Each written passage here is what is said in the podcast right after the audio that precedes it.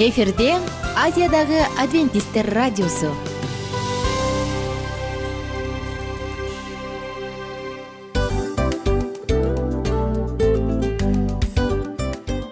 Достор салют.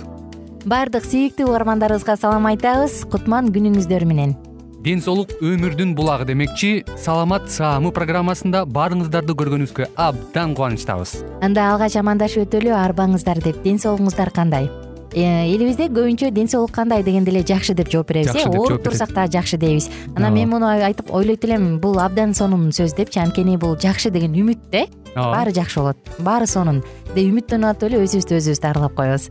Анысы кандай сиздин дагы ден соолугуңуз жакшы беш деген үмүттөбүз чындыгында ден соолук бул өмүрдүн булагы деп бекеринен айтылган эмес деп ойлойм. Кыргыз элинде анткени эгерде ден соолук жок болсо анда адамдын жашоосунда калган баардык керектүү маңыздуу нерселер өзүнүн баалуулугун жоготуп коет. Ошондуктан ден соолук бул эң керектүү нерсе. Ооба туура айтасың кесиптешим. Чынында ден соолугуң жок бир эки үч күн ооруп калсаң эле э кандай болуп калат? Жашоодо көз каранды болуп каласың көп нерсеге жетишпей каласың көп нерсени кыла албай каласың жада калса эшикке дүкөнгө да чыга албай каласың. Туптуура анан ден соолук болсо демек биз биздин бактыбыз тоодой деп койсок болот. Анда достор саламат саамы рубрикабызды баштайлы. Алдыда өзүңүзгө керектүү болгон сонун кеңештерди уга аласыздар. Мына ошондуктан биз менен бирге болуңуздар. Ал эми биз болсо милан жана айнура.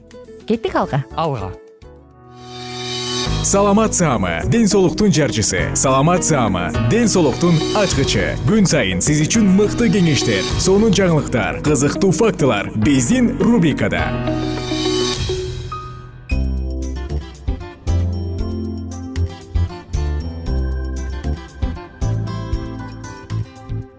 Саламатсыздарбы достор жалпыңыздар менен амандашып биз саатыбызды баштадык. Саламат саамы рубрикасы жана сиздер менен бирге мен айнура миназарова. Көрөрмандарыбызга угармандарыбызга салам айтабыз бүгүнкү темабыз гепатит оорусу жашыруун жаналгычпы деген тема. Жана биздин төрүбүздө дагы конокторубуз бар. Конокторубуз инфекционист врач токтокожоева алтын мусаевна жана дарыгер эпидемиолог казиев балгарт казиевич сиздер менен бирге гепатиттин түрлөрүнө келип токтолгонбуз. Эмесе гепатиттин ар бир түрүнө кыскача токтолуп анан э, маалыматтап бере кетсеңиздер кимдер ооруйт көбүнчө жана кандай айырмачылыктары бар гепатитти азыр өзүңүз айтып кеткендей түрлөрү көп. А гепатити е гепатити жана дагы кан аркылуу жуккан б с д гепатиттери. А гепатити менен көбүнчө кичинекей балдар оорушат э, мектепке барган балдар оорушат анан дагы э, кездешет чоңдордо дагы бул а гепатитинде кичинекей балдар садикке барат го бала бакчага барган балдар өзүлөрү ошо э, колун жуубай эметкенинен көбүнчө ошолордуку где то токсон проценти безжелудочный форма болуп өтүп кетиши мүмкүн да. Сары формасында или же сары формасы жок өтүп кетиши мүмкүн. Сары болгондо бул дене дене саргарат э? дене саргарат. Көбүнчө балдардыкы денеси саргарбай эле как грипп сыяктуу клиникасы белгилери ошентип кетиши мүмкүн. анан анан кийинирээкта айтабыз. Ал эми е гепатити болсо бул суу аркылуу жугат көбүнчө э, э, жана чоңдор ооруйт көбүнчө беременный ооруйт да. Исходу кичине начарыраак деп койсо болот да мунуку катуураак э, өтөт э, белгилери менен анан өзү дагы боорду аябай залакасын көп алып келет деп айткым келип атат да. Ал эми б с д гепатити болсо бул гепатиттер менен көбүнчө э, чоңдор оорушат. Алар болсо ар кайсы жактан жугузуп алышат ал түрүн да кайсы путь менен жугаарын айтып кетебиз э, ошо чоңдор ооруган үй бүлөдө эгерде б гепатити менен мисалы ооруса беш жылдын ичинде кичинекейлерге да жугуп калышы мүмкүн. Беш жылдын ичинде? Беш жылдын ичинде. Ошондой өзүнүн очаговость деп коет ошондой бар да. Э, эгерде б гепатит менен ооругандар э, өзүлөрү дагы кайра соблюдать этпей же стоматологко барганда бир ошо вирус менен жугуп калган дар менен кайра дарылап койсо тиштери мисалы же болбосо гинекологдорго барса же болбосо кайсы бир наркомандар болсо б гепатиттин үстүнө д гепатитти да жугуп калышы мүмкүн кайра үстүртөн э?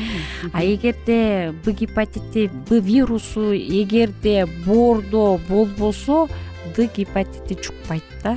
А с гепатити өзүнчө ал да ошол кан аркылуу жугат демек б гепатит менен ооруган адам д менен сөзсүз ооруп калышы мүмкүн. ооруп калышы мүмкүн. Ошон үчүн аябай көңүл буруп ээс түрүчү бизде кандай ээ түрү азыр бизде жок мурун бир болгон ак талаада дагы зарегистрирован болгон. Андан кийинки мына жыйырма жыйырма беш жылдын ичинде и гепатити жок регистрироваться этилген эмес жакшы. Ошол кезде беременныйлар ооруптур ошо исход неблагоприятный болуптур да ооруларды айттык эми профилактика жөнүндө айта кетсек алдын алуу кантип алдын алсак болот бул ооруларды?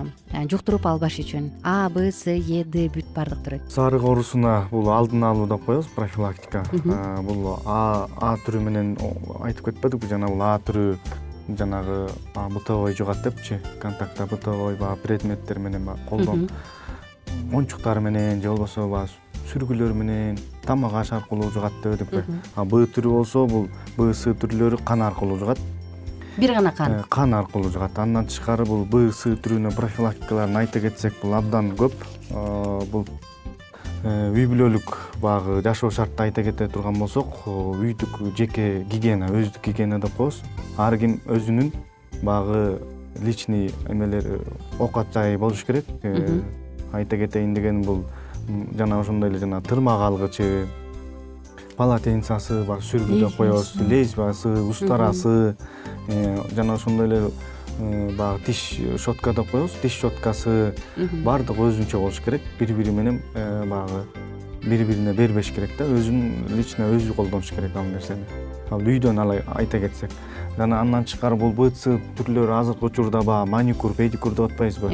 Ошол учурлардан да көп кездешкен учурлар да болуп атат э, ошол жактарга барганда дагы баягы өзүнүн эмелерин сакташ керек. Э, личный гигиеналарын баягы инструменттер медицинский эме инструменттери э, баягы обработкадан өттүбү тазаландыбы ошолорду да бир сыйра сурап коюш керек. Жана ошондой эле азыркы биздин көйгөйлүү маселе болуп аткан баягы тиш доктурлар стоматологияга көп барып атышат. Стоматологиядан бул гепатит бул сарык оорусунун б түрүн көп жуктурган учурлар көп кездешип абдан көп. Өзгөчө эки миң он тогузунчу жылы аябай көп болду булар. Ооба ошондуктан бул стоматологияга барганда дагы бул адам өзү сураш керек. Бул перчаткаңыз э, мага жаңы кийиңиз и андан тышкары могу инструменттер кандай обработка болуп атат ошону дагы өзү баягы карап баягы контролдоп койсо болот да. Анан андан тышкары биз э, бул бишкек шаардык мамлекеттик санитардык эпидемиологиялык көзөмөлдөө борбору баягы бишкек шаарын текшерүү учурунда текшерип атабыз. Мунун ичинен мамлекеттик учреждениялар гос учреждение деп коебуз баягы стоматологияларды текшеребиз анан жана ошондой эле частный деп коет азыр жеке менчик стоматологиялар абдан көбөйдү. Аларга биз бара албайбыз. Атайын бизде жаңы закон чыккан. Ошого бара албайбыз дегенде демек алар таптакыр текшерүүдөн өтпөйбү же алар эки жылга текшерүүдөн өтпөйт. Он тогузунчу жылы текшерген жокпуз жыйырманчы жылы текшербейбиз. Но жыйырма биринчи жылы эгер уруксаат берсе ошонун негизинде гана текшеребиз. Ошондо сиздин айтууңуз боюнча жекелерге барганга караганда мындай мамлекетикке барган бир аз коопсузураак болобу же кандай? Туура туура мен да ошентип ойлойм. ошол бул жекелердики анткени баягы э, медицина мисалы жеке менчик ачып атышпайбы стоматология же болбосо ошондой эле поликлиникалар больницалар баягы ачып алып атышат клиникологический центрлар ачылып атат.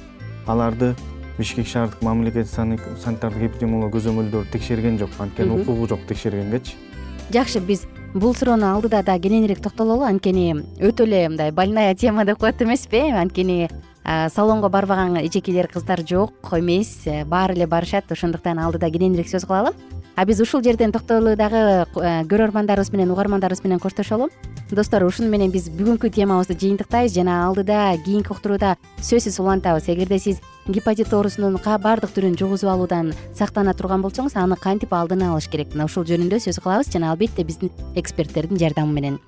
Жалпыңыздар менен коштошом. Аты жөнүм айнура миназарова кайрадан амандашканча саламат саама ден соолуктун жарчысы. Саламат саама ден соолуктун ачкычы. Күн сайын сиз үчүн мыкты кеңештер сонун жаңылыктар кызыктуу фактылар биздин рубрикада. Салют замандаштар баарыңыздарга ысык салам. Дил маек программабызга кош келиңиздер. Дил маек рубрикасы дегенде эле бул эмне болгон дил маек ким менен маектешебиз деп сурайт болуш керек угармандарыбыз бул рубриканы кыскача тааныштыра кете турган болсок ар тарап кесип ээлеринен болгон сонун интервью кеңештер бар. Ооба. Жылдыздар менен болгон маек бар. Аталарыбыздын агаларыбыздын чоң аталарыбыздан сонун кеңештер бар. Ошондой эле эже сиңдилердин кеңештери бар. Айтор баардык кызыктардын баары алдыда. Негизи эле адам баласы бир кимдир бирөөнө ишенип сырын ачкысы келет эмеспи э? Мындай баарлашууга жакын келебиз го? Албетте негизи бир жерге отуруп алып кенен шашпай баягы жүрөктөн жүрөккө ачып сырларыбызды ар кандай көйгөйлөрүбүз менен бөлүшүп баягы чын жүрөктөн маек курганды кимибиз сүйбөйбүз э? Ооба десең ал нерсеге суусап да келебиз да. Ооба кээ бирде адамга чындыгында баягы э, ысык маек баягы жылуу маек жетишпейт да. Ошондуктан биз ушул рубриканы ойлоп тапканыбызда эң биринчи эле достор сиздер менен чын жүрөктөн бир маңыздуу темаларды козгоп кеткени кааладык. Ошондуктан ушундай сонун бир рубриканы тартуулап жатабыз. Анын үстүнө радио дагы сонун дос да анткени э, мындай учурда досуңа айтсаң досуң досуна айтат досу досуна айтат да анан бүт өлкө билип калышы мүмкүн го. А радио болсо сени сатпаган сенин айыбыңды ачпаган сенин сырыңды эч кимге айтпаган сонун дос мына ошондуктан биздин алдыдагы айта турган кеңештерибизди биздин досторубуздун кеңештерин угуп анан ал жака пикириңизди дагы калтырып кайрадан биз менен байланышсаңыздар болот. Деги эле жашооңузга эгерде кичине болсо дагы өзгөрүү алып моралдык жактан нравовалык жактан сонун бир кеңештерди алсаңыз демек биз максатыбызга жеттик. Ооба. Чыңгыз атабыз улуу жазуучу э, чыңгыз айтматов айткандай адам болуу бул күнүмдүк процесс экен. Күн сайын адам бойдон калуу бул адамзатка эң эле кыйын дейт э? э эң кыйын дейт. Чындыгында бунун э, негизинде адамдын эң баягы сапаттуулугу адамдын э, адамгерчилиги жана көптөгөн керектүү нерселер. Мына ошол темалар дагы бизде э, ушул дил маекте биз аларды да козгойбуз. Э, ден соолук жөнүндө да сүйлөшөбүз. Сөзсүз түрдө анан милан мырза негизи айтып коюшат го. Биз көбүнчө эмнени ойлонсок ошол нерсеге карата иш кылабыз го. Ооба. Анан анысы кандай? Балким бул радио баракчада кимдир бирөөнүн оюн текшергенге жардам берет кимдир бирөөнүн жүрөгүн текшергенге жардам берет. Балким кимдир бирөөгө жашоонун маңызын тапканга жардам берер. Айтор кызыктын баары алдыда бул жөн гана кыскача жарнама анда угармандарыбыздын баардыгын кийинки рубрикабызга чакырабыз. Ал эми кызматта маңдайымда отурган кесиптешим милан жана мен айнура. Анда эмесе биз даярдаган терең терең ойлор менен таанышууга кеттик. Алыс алыс баралык. Анда эмесе достор биз менен бирге болуңуздар. Алдыда эң кызыктуу маалыматтардын баардыгы бир нече мүнөттөр бою жалгыз гана сизге арналат мына ошондуктан жакшы маанай менен угууну каалайбыз. Үн алышканча. Жөнөдүк. Ар түрдүү ардактуу кесип ээлеринен алтын сөздөр жүрөк ачышкан сыр чачышкан сонун маек дил маек рубрикасында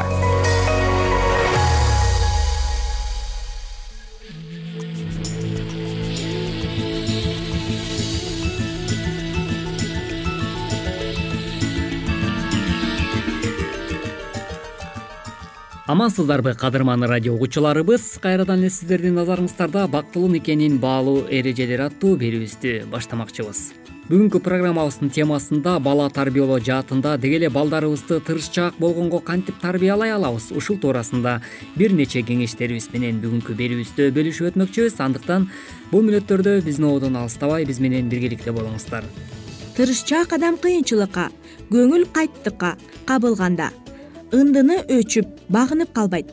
Бул сапат таажрыйба топтоонун аркасында өөрчүйт бала жыгылып туруп басканды үйрөнгөн сыяктуу балаңарда кыйынчылыктарды баштан кечиргенден кийин гана аны чечкенге үйрөнөт. Ал эми бул эмне үчүн маанилүү? Айрым балдар максатына жетпей калганда кыйынчылыкка туш болгондо башкалар кемчилигин айтканда же сындаганда көңүлү чөгөт. Кээ бирлери ындынын суутуп багынып берет бирок алардын төмөнкүлөрдү түшүнгөнү жакшы. Ошондуктан адатта биз дайыма эле ийгиликке жете бербейбиз. Ар бир эле адам кыйынчылыкка кабылат. Бирөөнүн кемчиликтерибизди айткандыгы жакшылыгыбызга өбөлгө түзөт. Андыктан бул нерселерди ар дайым эске ала жүргөнүбүз абдан маанилүү негизинен эле тырышчаактык турмуштагы кыйынчылыктарды жеңгенге абдан жардамын тийгизет эмеспи. Андыктан урматтуу өспүрүмдөр жана ошондой эле сүйүктүү досторубуз сөзсүз түрдө жашоодо тырышчаак жана чыйрак болгонго умтула бергиле. Ошондой эле урматтуу ата энелер бул туурасында дагы биз балдарыбызга кантип үйрөтсөк болот? Анда эмесе бир нече кеңештерибизге кулак салыңыз. Жашоодогу эң маанилүү принциптердин бири. Адил адам жети жолу жыгылышы мүмкүн бирок сөзсүз кайра турат балаңарга көйгөй чын эле олуттуубу олуттуу эмеспи. Аныктаганга жардам бергиле. Мисалы мектептеги сынактан өтпөй калса колуман эч нерсе келбейт деп багынып калышы мүмкүн.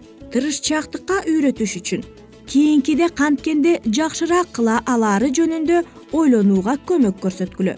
Ошондо ал капалана бербей көйгөйдү чечкенге умтулат. Көйгөйүн чечип бергенден да качкыла анын ордуна аны чечүүнүн жолдорун тапканга жардам бергиле. Балким балаңардан сабакты жакшыраак түшүнүш үчүн эмне кылсаңар болот деп сурайттырсыз. Жашоодо күтүүсүздүк көп болот. Бүгүн бай эртең кедей бүгүн дени сак эртең оорулуу болуп калышың мүмкүн. Жарышта жеңишке шамдагайлар эле эмес. Күрөшкө ийгиликке күчтүүлөр эле жете бербесин баары күтүлбөгөн убакта күтүлбөгөн жагдайда кабылаары баарыбызга белгилүү. Ошондуктан ардактуу ата энелер ар дайым эле күлүктөр маарага ээ боло бербейт эмеспи. Бул нерсени дагы жашоодо эске алганыбыз абдан маанилүү. Андыктан ардактуу ата энелер биз балдарыбызды кооптуу нерселерден коргоого бүткүл күчүбүздү жумшаарыбыз дагы анык эмеспи бирок анын бул турмуштагы кыйынчылыктары жашоосунан орун алган учурда биз ар дайым эле аларды калкалай албасыбызды дагы эсибизден чыгарбообуз зарыл. Албетте ал азыр жумуштан айрылуу же акчанын жетиштездиги сыяктуу көйгөйлөргө кабыла элек ошентсе да аны башка кыйынчылыктар менен күрөшкөнгө үйрөтө аласыңар. Мисалы жакын досу менен таарынышып кетсе колдоо көрсөтсөңөр же үй бүлөңөрдөн кимдир бирөө каза болуп калганда күйүттү көтөрүүгө көмөк кылсаңар болот. Ошондуктан урматтуу ата энелер жогорудагы айтылган баардык кеңештерди эске алуу менен биргеликте сиз дагы балаңыз менен кыска жана нуска сүйлөшкөнгө аракет кылыңыз. Жана ошол эле учурда катаалдык менен мамиле кылбастан тескерисинче жумшактык мүнөз менен балаңызды укканга даяр болуңуз. Өспүрүм балаңардын көйгөйүн толугу менен түшүнүш үчүн ал сүйлөп жатканда сөзүн бөлбөй кунт коюп уккула бир нерсе айтаардан мурун жакшылап ойлонгула. Айтканыңардан кайтпай катуу боло берсеңер балаңар кылба деген нерсени кылуунун жолун издей баштайт. Андыктан ардактуу ата энелер сиздер дагы алдыдагы бир нече кеңештерге дагы кулак салыңыз. Жашоодогу эң негизги принциптердин бири болуп келечекте акылман болуш үчүн кеңешке кулак салып акыл насаатты кабыл алган адам акылдуу деп эсептелинет андыктан бул нерсени дагы жашооңузда колдонгонго аракет кылыңыз. Бирөө балаңарга кемчилигин айтса бул анын балаңарды басынтканын билдирбейт. Тескерисинче ага жардам бергиси келип жатканын көрсөтөт. Балаңардын кеңешин кабыл алууга үйрөткөнүңөр өзүңөрдү да аны да көп азаптан сактайт. Эки кыз бир уулу бар жолдош мындай дейт. Балаңар кемчилигин оңдогонго аракет кылбаса эч качан оңолбойт улам бир көйгөйгө кабылып жүрө берет. Силерге болсо аларды чечкенге туура келет. Ошентип силер да балаңар да кыйналат. Канткенде балаңарды сын пикирди туура кабыл алганга үйрөтө аласыңар. Мектептеби же башка жактабы бирөө кеңеш берсе ал негизи жок эле берилди деген сыяктуу сөздөрдү айтуудан качкыла. Анын ордуна мындай суроолорду берсеңер болот. Ал эмне үчүн ошондой кеңеш берди деп ойлойсуң? Кантип жакшырсаң болот эмкиде ушундай жагдайда эмне кыласың? Ошондуктан урматтуу ата энелер жакшырышың керектигин көрсөткөн кеңештердин пайдасын азыр да келечекте дагы көрө алышат. Демек урматтуу ата эне бул нерсени азыртадан дагы балдарыбызга үйрөткөнгө аракеттенели. Демек кыйынчылыкка туш болгондо же бирөө кемчилигин айтканда багынбай жакшырганга умтула берген бала шык жөндөмдүүлүгүн арттырып келечектеги жашоосунда ийгиликке жеткенге дагы чоң кадам таштаган болот анда эмесе урматтуу ата эне сиз дагы бул жаатты эске алып сөзсүз түрдө балаңызга үлгү болгонго аракет кылыңыз. Андыктан төмөнкү суроолорго назарыңызды оодарып өтөйүн. Катамды мойнума албай же күнөөмдү башкаларга оодара беремби деп дагы ойлонуңуз. Эмнени туура эмес кылганымды андан кандай сабак алганымды айтканбы бул туурасында дагы ойлонуңуз. Башкаларга так этиргенде шылдыңдадымбы деп дагы ойлонсоңуз болот мына ушул нерселерди кылуу менен урматтуу ата эне сиз дагы өзүңүздүн балдарыңызга үлгү көрсөткөн болосуз. Ошондой эле ата энелердин ою. Уулубуз менен кызыбызды ар бир кыйынчылыктан ката кемчилик кетиргенден коргой берчү эмеспиз. Бала кезимде ошондой нерселерди жеңгенимдин аркасында сапаттарым жакшырган. Балдарымды эрке кылбай өстүргөндүктөн экөө тең оор учурда да тунук ой жүгүрткөн сезимдерин башкара алган көйгөйлөрүн чече билген жеткилең адамдардан болуп чоңойду дейт апасы жанна. Ардактуу радио угармандарыбыз ушуну менен бизге бөлүнгөн убакыт дагы өз соңуна келип жетти. Кайрадан эле биз сиздер менен эмки берүүбүздөн бактылуу никенин баалуу эрежелери аттуу уктуруубуздан кезишкенче амандыкта туруңуз. Ар түрдүү ардактуу кесип ээлеринен алтын сөздөр жүрөк ачышкан сыр чачышкан сонун маек дил маек рубрикасында жан дүйнөңдү байыткан жүрөгүңдү азыктанткан жашооңо маңыз тартуулаган жан азык рубрикасы.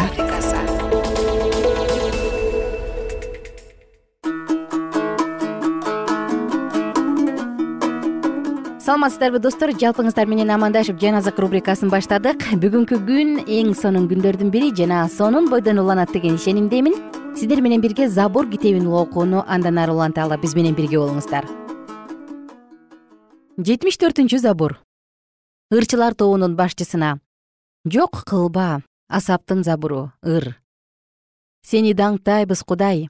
Сени даңктайбыз. Анткени сенин ысымың бизге жакын экенин өзүң көрсөткөн кереметтер айгинелеп турат. Убакытты тандап алгандан кийин мен адилет сот жүргүзөм. Жер титиреп жатат. Анын үстүндө жашагандар жаа дагы титиреп жатышат. Мен анын түркүктөрүн бекитем акылсыздарга акылсыздык кылбагыла. Кудай сиздерга мүйүзүңөрдү көтөрбөгүлө дейм. Мүйүзүңөрдү бийик көтөрбөгүлө тоң моюндук кылып сүйлөбөгүлө дейм. Анткени жардам батыштан да чыгыштан да чөлдөн да келбейт. Бирок кудай өзү сот бирин басат экинчисин көтөрөт.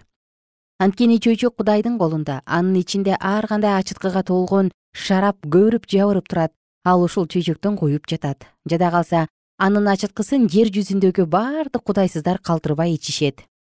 Мен болсо жакыптын кудайын түбөлүккө жар салам мактап ырдайм баардык кудайсыздардын мүйүздөрүн сындырам ошондо адил адамдардын мүйүздөрү көтөрүлөт. Жетимиш бешинчи забур. Ырчылар тобунун башчысына кыл аспаптар менен асаптын забуру. Ыр. Кудай жүйүт аймагында белгилүү ысрайылда анын ысымы улуу анын үйү шалемде жашаган жайы сион тоосунда ал жерде кудай жаанын жебелерин калканды кылычты согуш куралдарын талкалады. Сен даңктуусуң жырткыч тоолордон да күчтүүсүң эр жүрөктөр да жем болушту. Түбөлүк уйкуга кетишти. Күчтүү аскерлер да күчтөрүн жоготушту. О жакыптын кудайы сенин каарыңдан ат да араба да түбөлүк уйкуга кетти. Сен өтө коркунучтуусуң сен каарданганда ким туруштук бере алат? Асмандан өкүмүңдү жарыялаганда жер коркконунан тынчып калат. Анткени кудай жердеги эзилгендердин баарын куткарыш үчүн сот жүргүзүү үчүн ордунан турду. Ошондо адамдардын каардануусу сени даңктоого айланат. Калган каарды да өзүң тыясың. Кудай теңирге убадаларыңды бергиле. Аларды аткаргыла. Анын тегерегинде тургандар коркунучтуу кудайга тартууларын алып келишсин ал төрөлөрдүн рухун баш ийдирет. Жердеги падышалар үчүн ал коркунучтуу. Жетимиш алтынчы забур. Ырчылар тобунун башчысына жидутундуку боюнча азаптын забуру. Үнүм кудайга жетсин жардам сурап кайрылам үнүм кудайга жетсин ал мени угат. Башыма кыйынчылык тушкан күнү теңирди издейм түн ичинде сунулган колум түшпөйт жаным тынчтангысы келбейт кудайды ойлоп титиреп жатам ойлоно берип рухум алсырап бара жатат. Сен мага кирпик кактырбайсың кыйналдым сүйлөөгө дарманым жок. Байыркы күндөр жөнүндө өтүп кеткен жылдар жөнүндө ойлоном. Түнкүсүн ырларымды эстейм жүрөгүм менен сырдашам рухум менин алдымда суроо коет. Чын эле теңир биротоло баш тарттыбы? Мындан ары ырайым кылбайбы? Чын эле анын ырайымы биротоло токтодубу? Анын убада сөзү укумдан тукумга жетпей үзүлдүбү чын эле кудай ырайым кылганды унуттубу чын эле ал ачуусу менен өзүнүн боорукерлигин токтотуп койдубу? Мен дагы бардыгынан жогору турган кудайдын оң колунун өзгөргөнү менин кайгым дедим. Теңирдин иштерин эске салам. Сенин мурунку кереметтериңди эске салам. Сенин бардык иштериң жөнүндө ой жүгүртөм. Сенин улуу иштериң жөнүндө ойлоном. Кудай сенин жолуң ыйык. Биздин улуу кудайдай кудай барбы сен укмуштарды жараткан кудайсың. Өз кудуретиңди элдердин арасында айкын көрсөттүң. Сен өзүңдүн кудуреттүү күчүң менен өз элиңди жакып менен жусуптун уулдарын куткардың кудайым сени суулар көрүштү.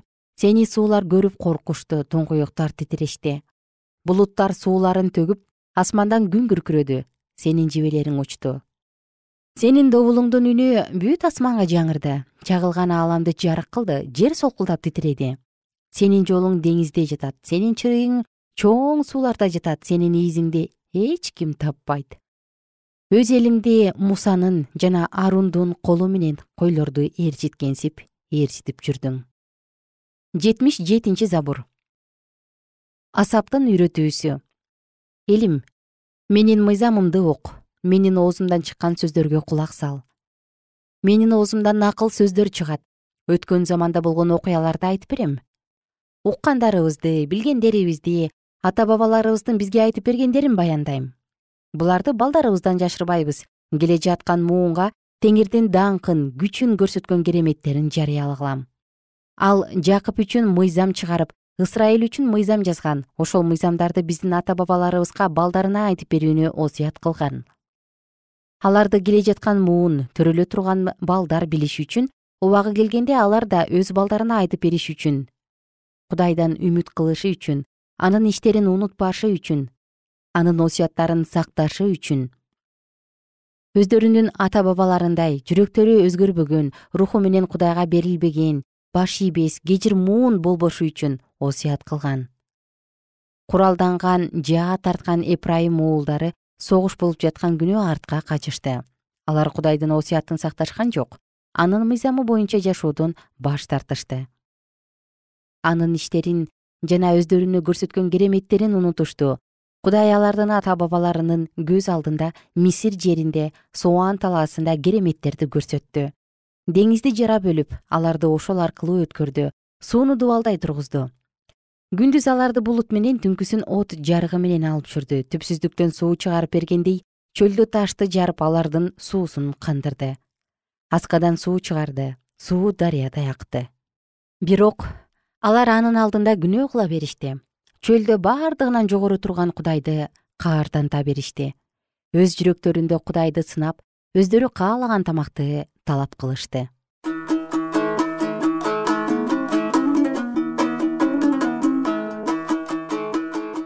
Кымбаттуу достор сиздер менен ушул жерден токтотобуз дагы кийинки уктурууда бирге улантабыз. Забур китебин окууну. Ана ошого чейин кайрадан амандашканча сак саламатта туруңуздар. Бар болуңуздар бай болуңуздар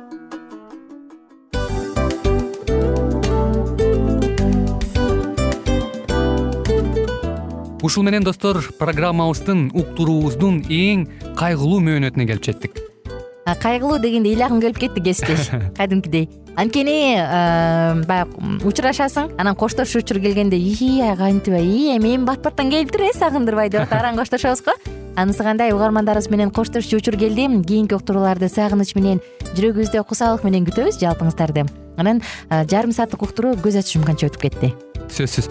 Бирок бизде жакшы кабар бар. Кийинки уктурууларыбызда сөзсүз дагы кезигишебиз. Анткени биз көптөгөн сюрприздерди кызыктуу маалыматтарды жана керектүү керектүү нерселердин көпүнчөсүн даярдадык анда угармандарыбыздын баардыгына ийгиликтүү күн каалайбыз. Эгерде бүгүнкү күнүңүз өзгөчө э, өтүшүн кааласаңыз анда позитивдүү ой жүгүртүп жылмайып жакындарыңызга жакшы маанай тартуулап жүрө бериңиз анткени сөзсүз түрдө мунун арты кайтат э? Сөзсүз. Баягы ден соолугуңа оңолот ал бул деп көп нерсени санап келебиз. Эң негизгиси бул сиздин жашооңузду жаркын кыла түшөт экен.